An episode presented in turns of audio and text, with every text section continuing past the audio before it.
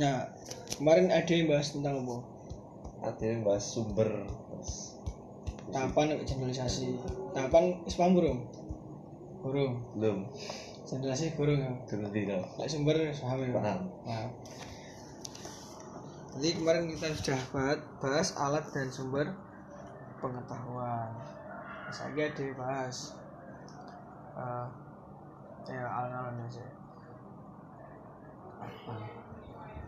Uh, kan nenek pengetahuan. Pengetahuan itu terletak pada diri manusia. Manusia supaya dia memperoleh pengetahuan, dia harus punya alat untuk bisa mendapatkan pengetahuan. Alat itu adalah indera dan rasio.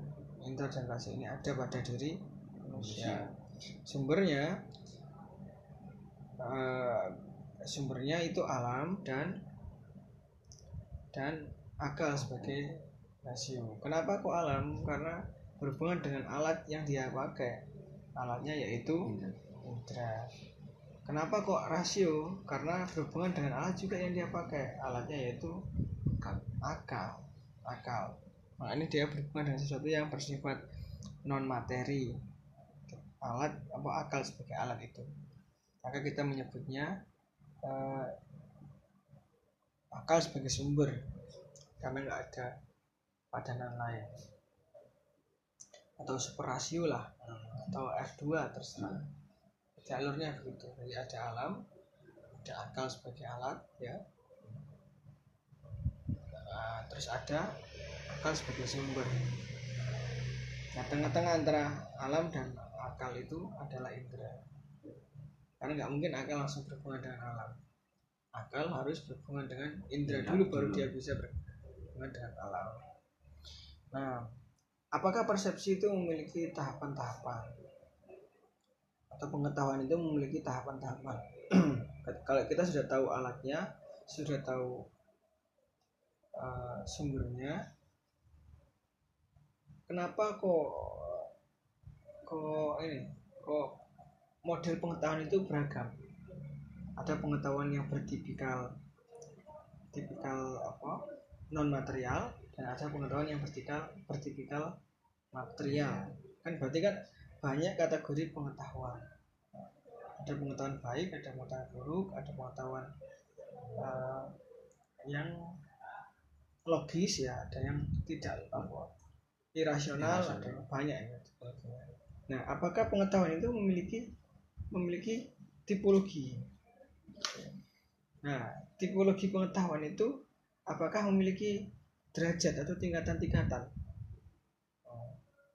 Nah, menurut filsafat Islam ya yang kita pelajari sekarang karyanya Musa apa uh, Mutahari bahwa pengetahuan itu dia itu memiliki tahapan-tahapan. Tahapan. Jadi ada segmentasi pengetahuan yang disebut sebagai tahapan indrawi Hmm.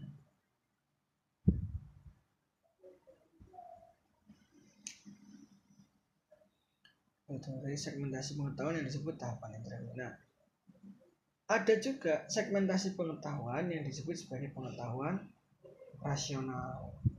Jadi ada dua tahapan pengetahuan, dua model pengetahuan. Tahapan pengetahuan indrawi itu juga disebut sebagai tahapan pengetahuan yang bersifat sederhana. Tahapan sederhana. Kalau tahapan rasional itu tahapan dalam atau mendalam atau uh, yang pertama itu sederhana atau dangkal yang kedua itu dalam ya.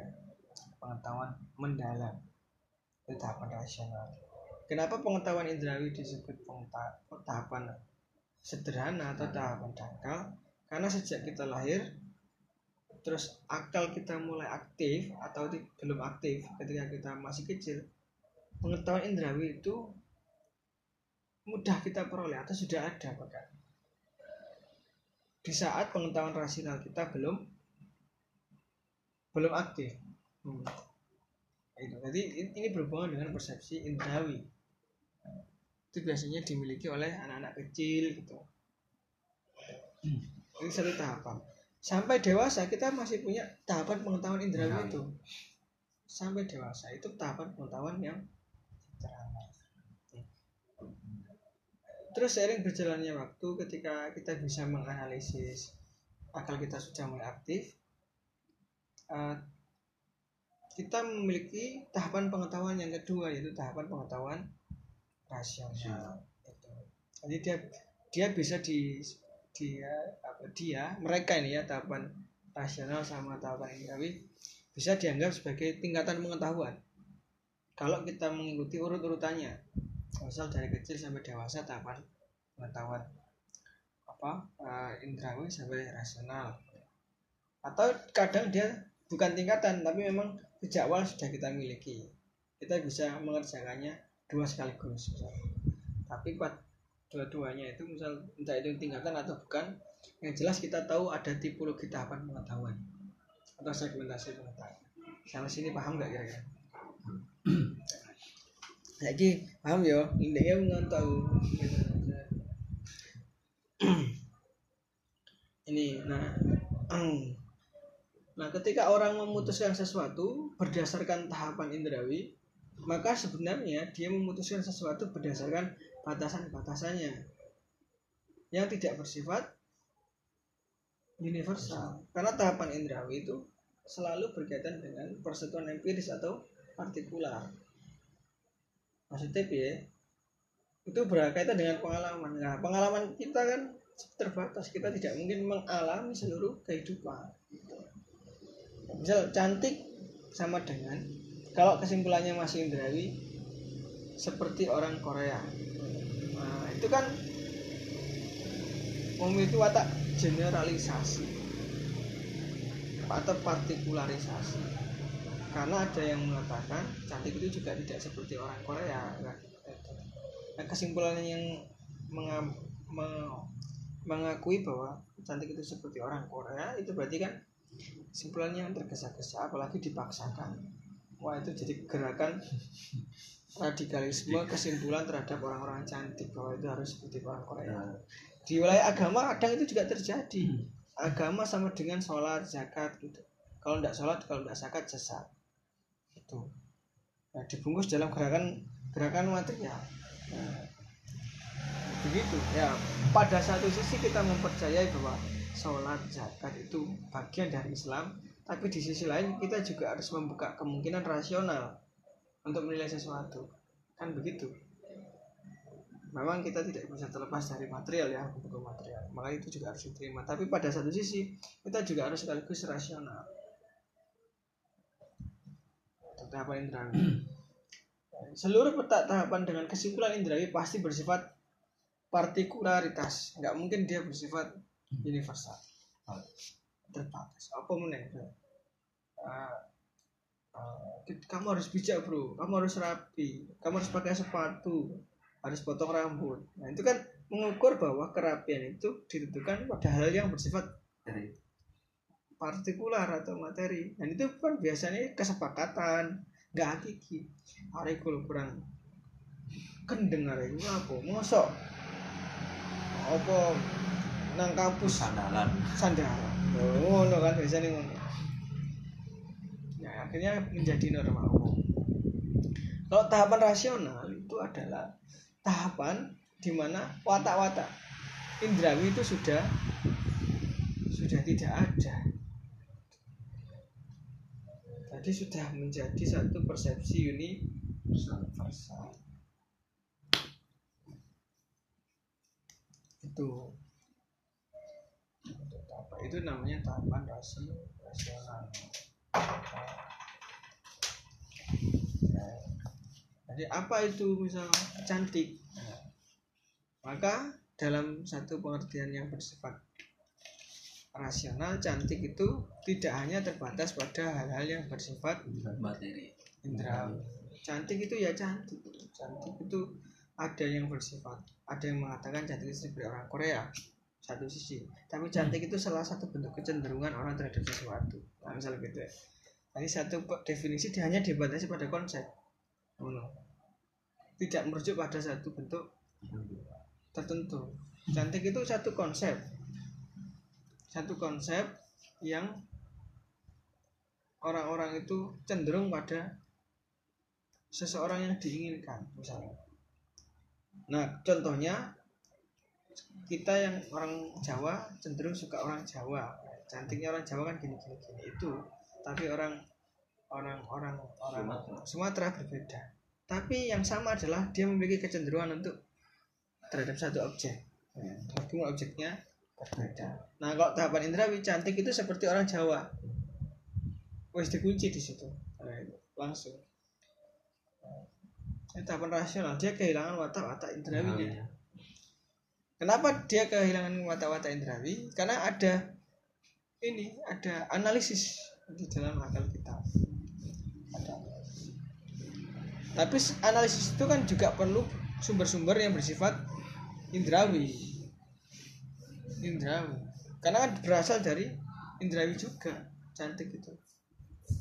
Tapi dia indrawi yang sudah kehilangan persepsi indrawinya menjadi persepsi rasional, persepsi baru lah. Nah. Lalu ketika kita menilai sesuatu misalnya sudah ada tahapan rasional, tahapan indrawi yang disebut maka generalisasi pengetahuan itu dalam posisi ini harusnya itu uh, memuat dua unsur tahapan itu. Dia memiliki watak rasional sekaligus partikular. Tapi tapi begini, ketika kita ada watak ras, apa rasional universal maupun partikular ya, itu bukan berarti hanya terbatas partikular yang kita maksud. Nah, misal cantik ya cantik itu orang Jawa bagi orang Jawa. Tapi ada kemungkinan cantik yang lain.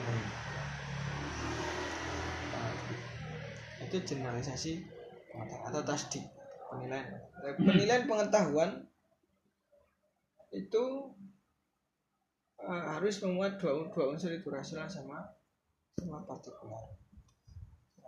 Lalu dari mana munculnya munculnya ini munculnya generalisasi pengetahuan dari mana? Pertama dari persepsi indrawi. Jadi generalisasi pengetahuan yang disandarkan atas persepsi indrawi murni. Jadi generalisasi pengetahuan yang selalu mencari contoh-contoh di alam. Misal apa itu cantik langsung diambil contoh di alam itu. Jadi, cantik adalah akhirnya didefinisikan. Dari fenomena yang ditangkap indra. Nah, ah, itu generalisasi pengetahuan. Ini penting loh boleh nanggone El Kaloro.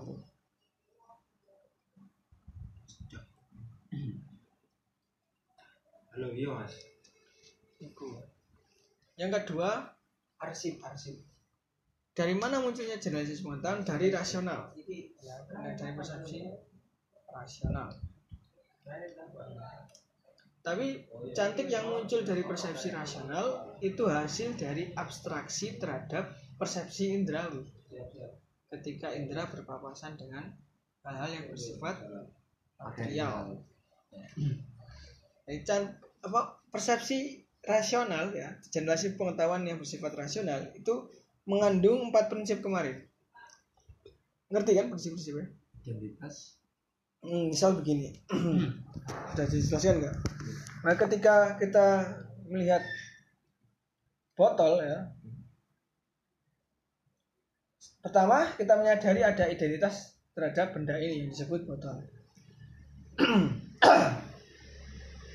Itu. Yang kedua, kita juga menyadari bahwa ada benda selain botol, sehingga kita bisa membedakan mana botol dan mana yang bukan botol. bukan botol. Jadi dalam satu sisi dia ada identifikasinya, identitasnya. Di satu di satu sisi yang lain dia juga ada prinsip eh, non kontradiksinya, ya, di mana Ya tidak, tidak bisa. mungkin ada botol, botol sekaligus bukan botol. sekaligus bukan botol. Nah, ini juga bisa menjadi alat lempar kan sebenarnya botol ini. Apakah ini alat lempar sekaligus botol? Tidak mungkin. Karena dia akan menjadi botol ketika dalam kesadaran meminum untuk minum dan akan menjadi lempar ketika kesadaran minumnya sudah nggak ada terlibat untuk melempar itu namanya non kontradiksi dalam satu objek yang sama batasan gunanya juga sama tidak mungkin ada pengetahuan yang menumpuk dalam dua pengetahuan yang menumpuk dalam satu objek ya ada identitas dan non kontradiksi sama seperti generalisasi pengetahuan. Ada identitasnya. Dan tidak boleh berkontradiksi. Misal nah yang sering berkontradiksi itu cantik pada wilayah material. Misal gini cantik. Oh cantik itu ya tinggi langsing bro. Lo kok dia mengatakan gemuk dan pendek kontradiksi dong. Nah, misal gitu. Padahal harusnya tidak berkontradiksi. Hmm, kita lacak sampai kemudian oh ternyata sebenarnya meskipun ada dua objek yang berbeda itu tidak berkontradiksi. Nah, gitu dari persepsi rasional mengantarkan kita pada satu satu kesimpulan yang bersifat universal. Kebenaran yang bersifat hakiki lah. Yang dari landasan landasan yang bersifat material itu generalisasi pengetahuan. Jadi generalisasi pengetahuan dia juga ditentukan atas persepsi indrawi pertama sebagai input ya. Kedua dia kemudian uh, ketika mengeluarkan satu statement atau pendapat atau penilaian maka generasi pengetahuan bisa berwatak rasional Uh,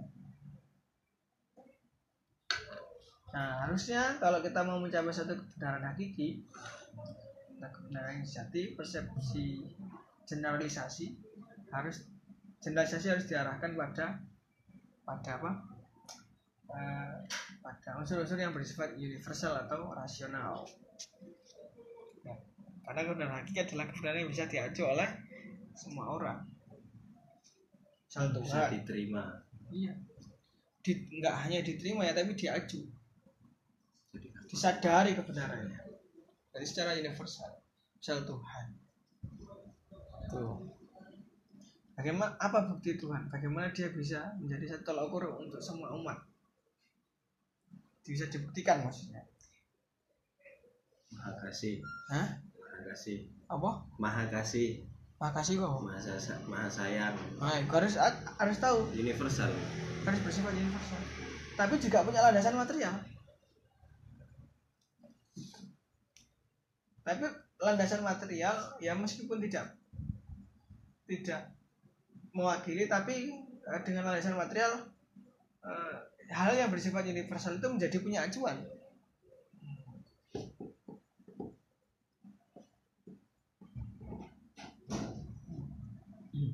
Ada pertanyaan dari sini?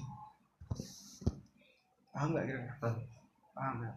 Nah generalisasi pengetahuan kan berarti kita mencari apa ini generalisasi apa Eh, cara mencapai satu kesimpulan terhadap pengetahuan ya kan Jadi kesimpulan itu memiliki watak indrawi sekaligus rasional nah kebenaran yang hakiki adalah kebenaran yang memiliki watak rasi rasional yang yang universal. Lalu bagaimana caranya? Bagaimana kita tahu bahwa kebenaran itu sejati atau tidak? hakiki Hmm, atau hakiki atau tidak? Benar atau tidak? Nah, itu. Bagaimana kita tahu? Kita sudah tahu kalau tahapan ada dua dan generalisasi pengetahuan bahwa pengetahuan itu harus berwatak rasional. Ya. Lalu dari mana kita tahu bahwa bahwa eh, pengetahuan yang kita peroleh itu benar atau tidak? Kan sudah tahu tahapan sama jenisnya.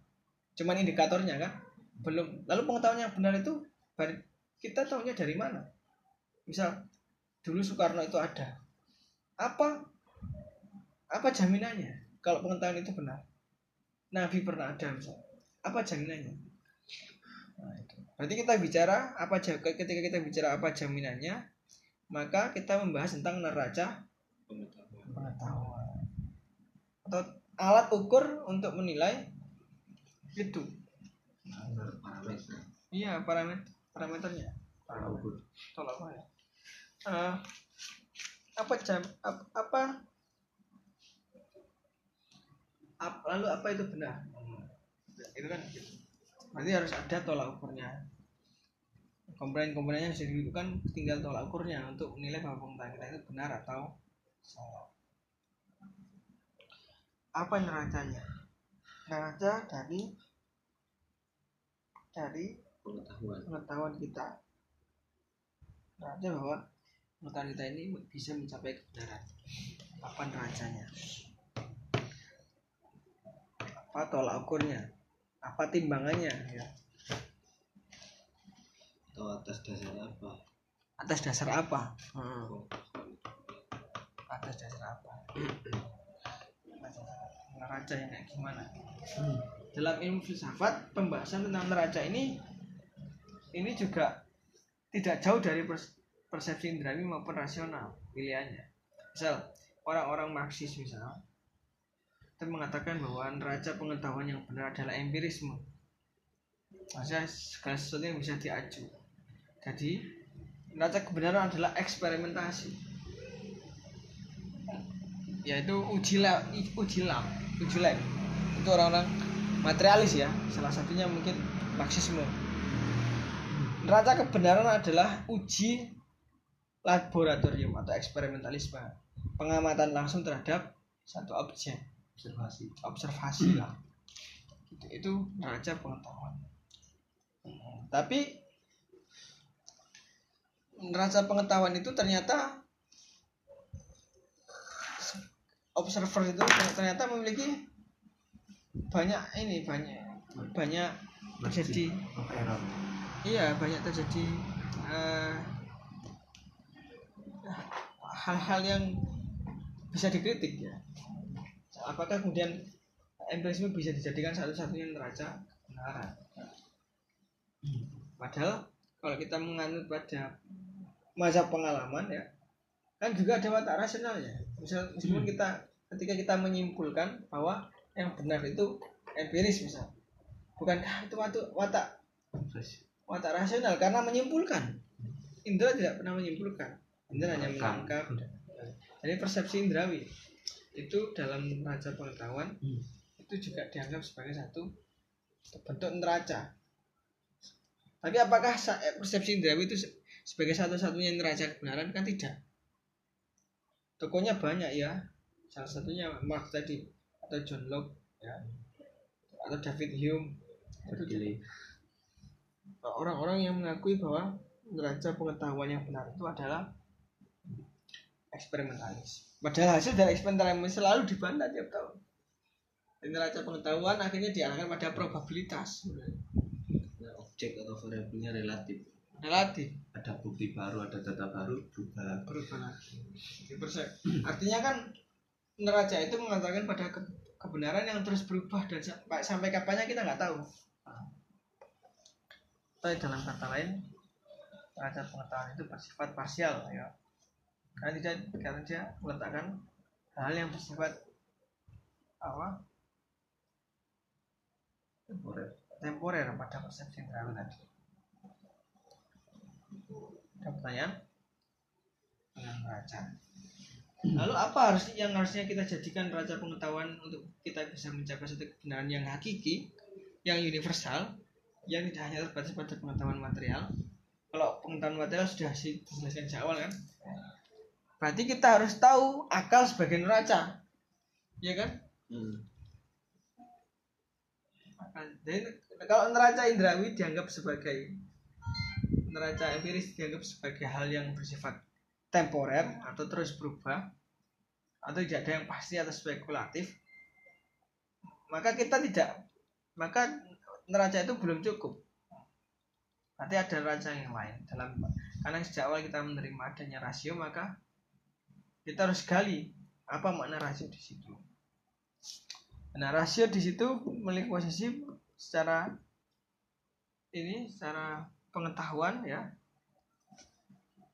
itu bisa dikategorikan sebagai ini apa? Akal sebagai neraca. Ada watak akal sebagai neraca.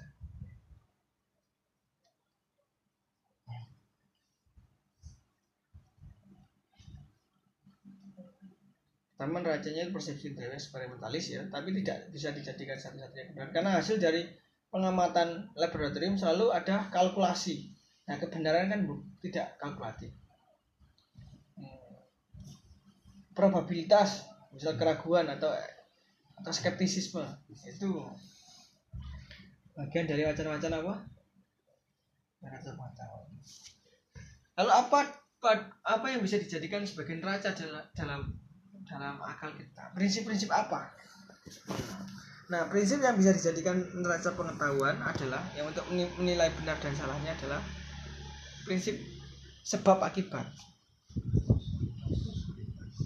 Kausalitas. Kausalitas sebagai neraca pengetahuan sebenarnya, bukan eksperimentalis.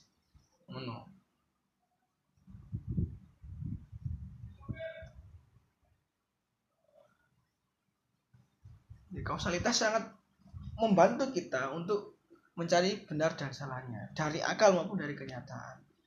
Nah, kausalitas ini kita tidak itu letaknya tidak di alam, bukan persepsi indrawi. Dia persepsi mental. Tentu hasil dari abstraksi kita dengan dengan dengan pengetahuan-pengetahuan yang bersifat indrawi, tapi kausalitas sendiri sebagai satu prinsip itu dia mandiri sebagai neraca pengetahuan. Seringkali begitu. biasanya kalau di dalam logika hukum itu oh ini pernyataannya gak runut gak sebab akibatnya nah berarti kan sebab akibat sebagai neraca bahwa dia itu salah.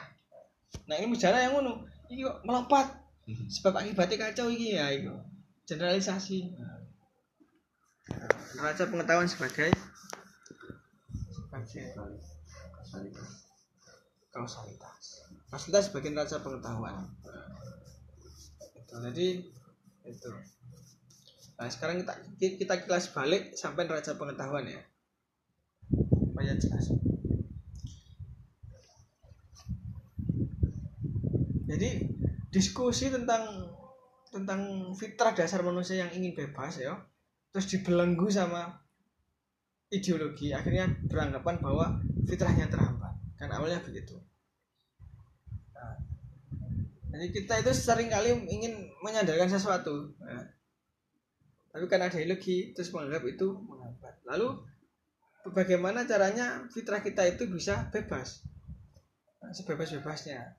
Oh ternyata pada faktanya dia untuk bebas dia juga perlu terikat terhadap sesuatu. Salah satunya ideologi. Nah ideologi yang benar itu harusnya bagaimana? Harusnya juga memiliki pandangan yang benar pandangan yang benar. Dan cara melihat yang benar juga atau epistemologi. Nah epistemologi pada diri manusia itu hanya dua ya indranya dan akalnya. Dalam konteks pengetahuan kalau dalam konteks hati itu urusan lain ya. Nah alat itu ada dan memang diberikan Tuhan pada manusia mata dan dan hasil. Ketika mata berpapasan dengan dengan dengan modus pengetahuan ya maka dia pasti berpapasan dengan hal yang bersifat material. Itu tahapan pertama tahapan kedua yang bersifat rasional ketika abstraksi material sudah melepaskan watak-watak indrawinya misal prinsip sebab akibat Mantap. Nah, generalisasi pengetahuan harusnya mengandung mengandung ini hal-hal yang bersifat universal tapi tidak kehilangan partikularitasnya. Ada contohnya. Jangan sampai partikularitas diuniversalkan. Itu bahaya. Mau ngebom mau ya. Ada pertanyaan? Ya. Ketika seharusnya kausalitas menjadi atau digunakan sebagai neraca ilmu pengetahuan, eh, pengetahuan neraca pengetahuan. Pertanyaan saya adalah apakah orang-orang skeptisisme itu memakai kausalitas sebagai neraca pengetahuan? Iya, Karena hubungannya dengan probabilitas kan. iya tetap. Dia akan menggunakan neraca dalam penelitiannya untuk mencari runut runtutannya. Apa yang menyebabkan eksperimen itu begitu? Kan begitu kira-kira. Iya, kan kita memandang bahwa kausalitas sebagai neraca yang universal. Hmm. Artinya orang-orang relativis atau eksperimentalis juga menggunakannya karena bersifat universal. Tapi kausalitas yang kita maksud di sini itu berwatak rasional, bukan material. Terus bagaimana cara menarik dari kausalitas menjadi kebenaran yang menjadi pengetahuan yang benar? Nah eh, itu nanti kan? Melompat itu. Melompat kan ada kebenaran hakiki. Iya. Hmm. kita disiplin dulu di di Riko Nah. jadi sebenarnya kebenaran itu hubungan antara sebab dan akibat. Antara yang satu dengan yang lain. Ya hubungan. Kalau tidak berhubungan maka tidak benar kalau tidak ada hubungannya. Nah. belum. Jadi sebab kausalitas itu sebagian raja ada sebab dan ada akibat. Nah kebenaran ini hubungannya. Kalau kebenaran ya ada hubungan kebenaran tapi tidak tidak mempertemukan antara sebab dan akibatnya tapi sebab satu dengan sebab yang lainnya maka tidak terjalin pernikahan antara atau pernikahan itu pernikahan pernikahan sedarah gampang cerai. Kalau sudah dirunut ah, ini akan digugat oleh bangsa Indonesia. Hmm. karena akan menghasilkan konflik ya.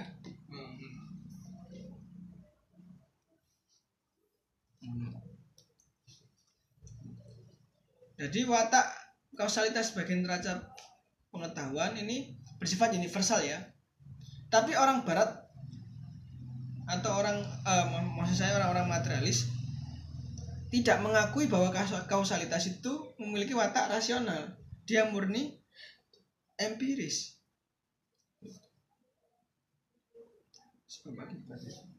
Bersifat material.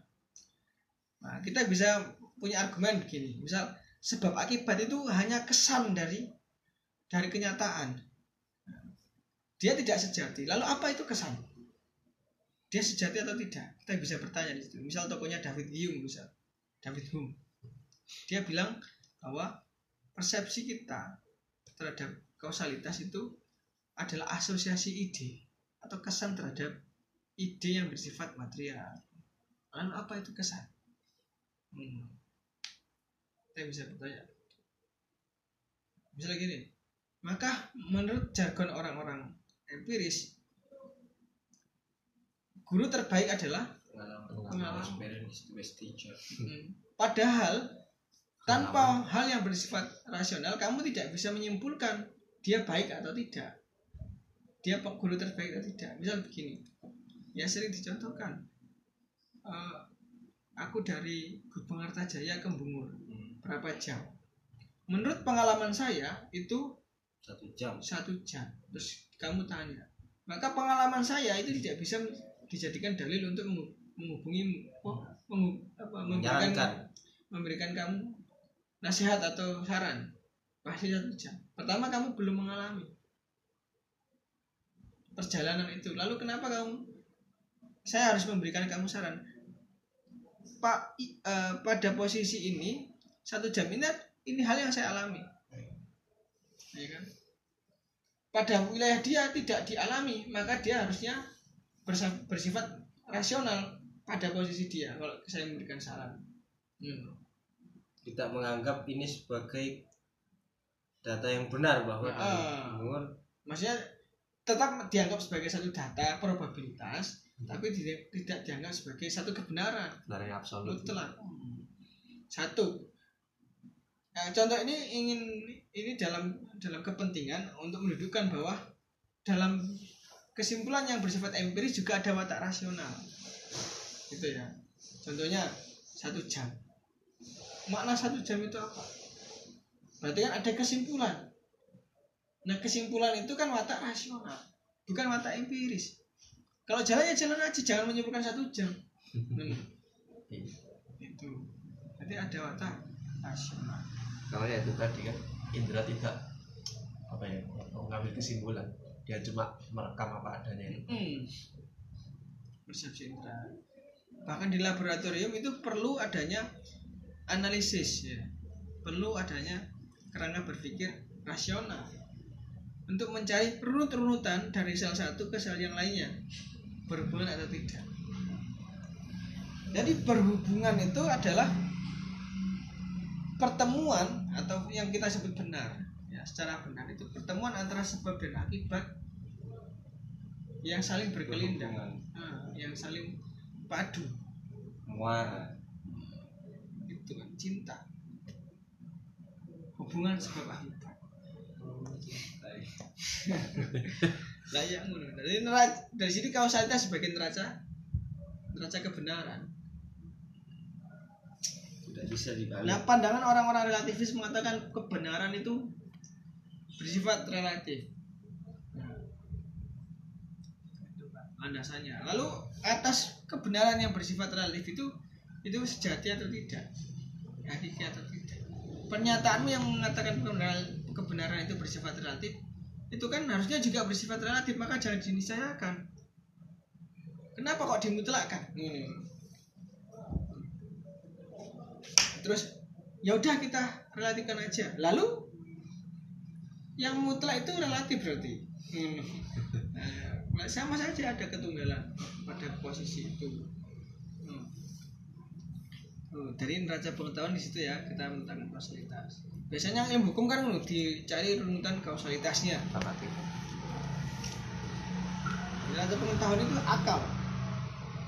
Bukan analogis tidak bersifat. Karena dia bersifat akal maka tidak bersifat analogis. Atau kias lah bahasa Arab ya.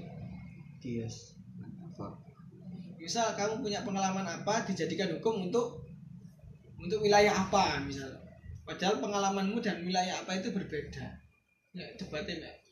Mas Rafis ini maaf agak melebar. Tapi dalam tatanan substansinya ini.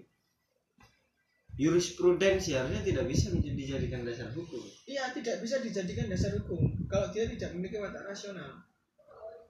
Kalau kita berkaca pada sejarah boleh sebagai satu kebijaksanaan. Tapi kemudian dia menjadikan dijadikan satu asas hukum ini tidak boleh. Makanya jurisprudensi biasanya di akhir-akhir. Ketika tidak ada lagi. Oh diambil satu jurisprudensi kebiasaan. Dalam fil- filsafat Islam dalam filsafat Islam makanya sejarah itu di, ditaruh paling belakang. Itu sebagai dasar hukum. Iya dasar hukum dalam aktivitas masyarakat. Yang yang paling akhir setelah misal empirisme terus rasionalisme logika intuisi dan sejarah. Hati dan sejarah. Sejarah yang paling akhir. Dalam dalam mutahari. Itu neraca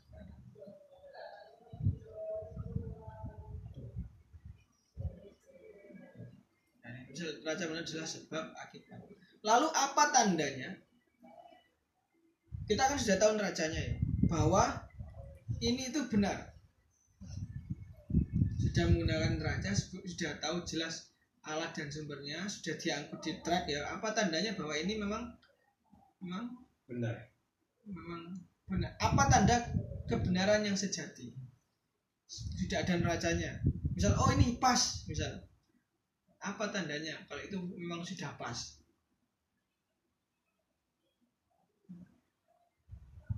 Apa tandanya?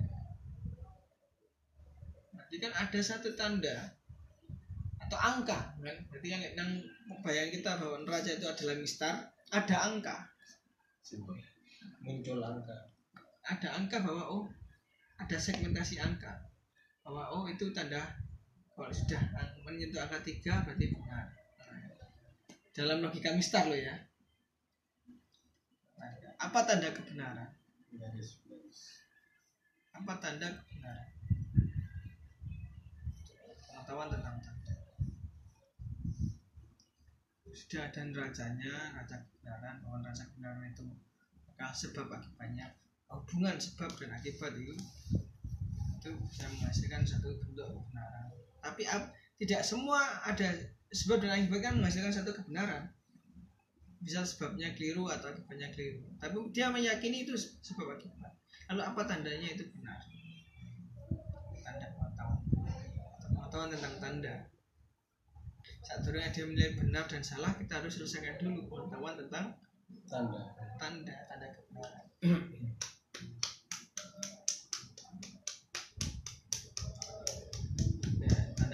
yang mengandung satu unsur sebab akibat sebagai satu neraca yang juga memiliki basis basis apa? Pengetahuan material sekaligus rasional.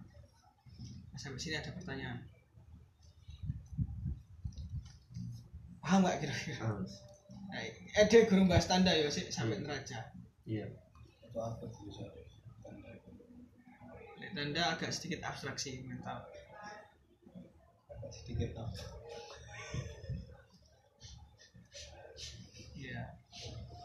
Penting algoris wis paham.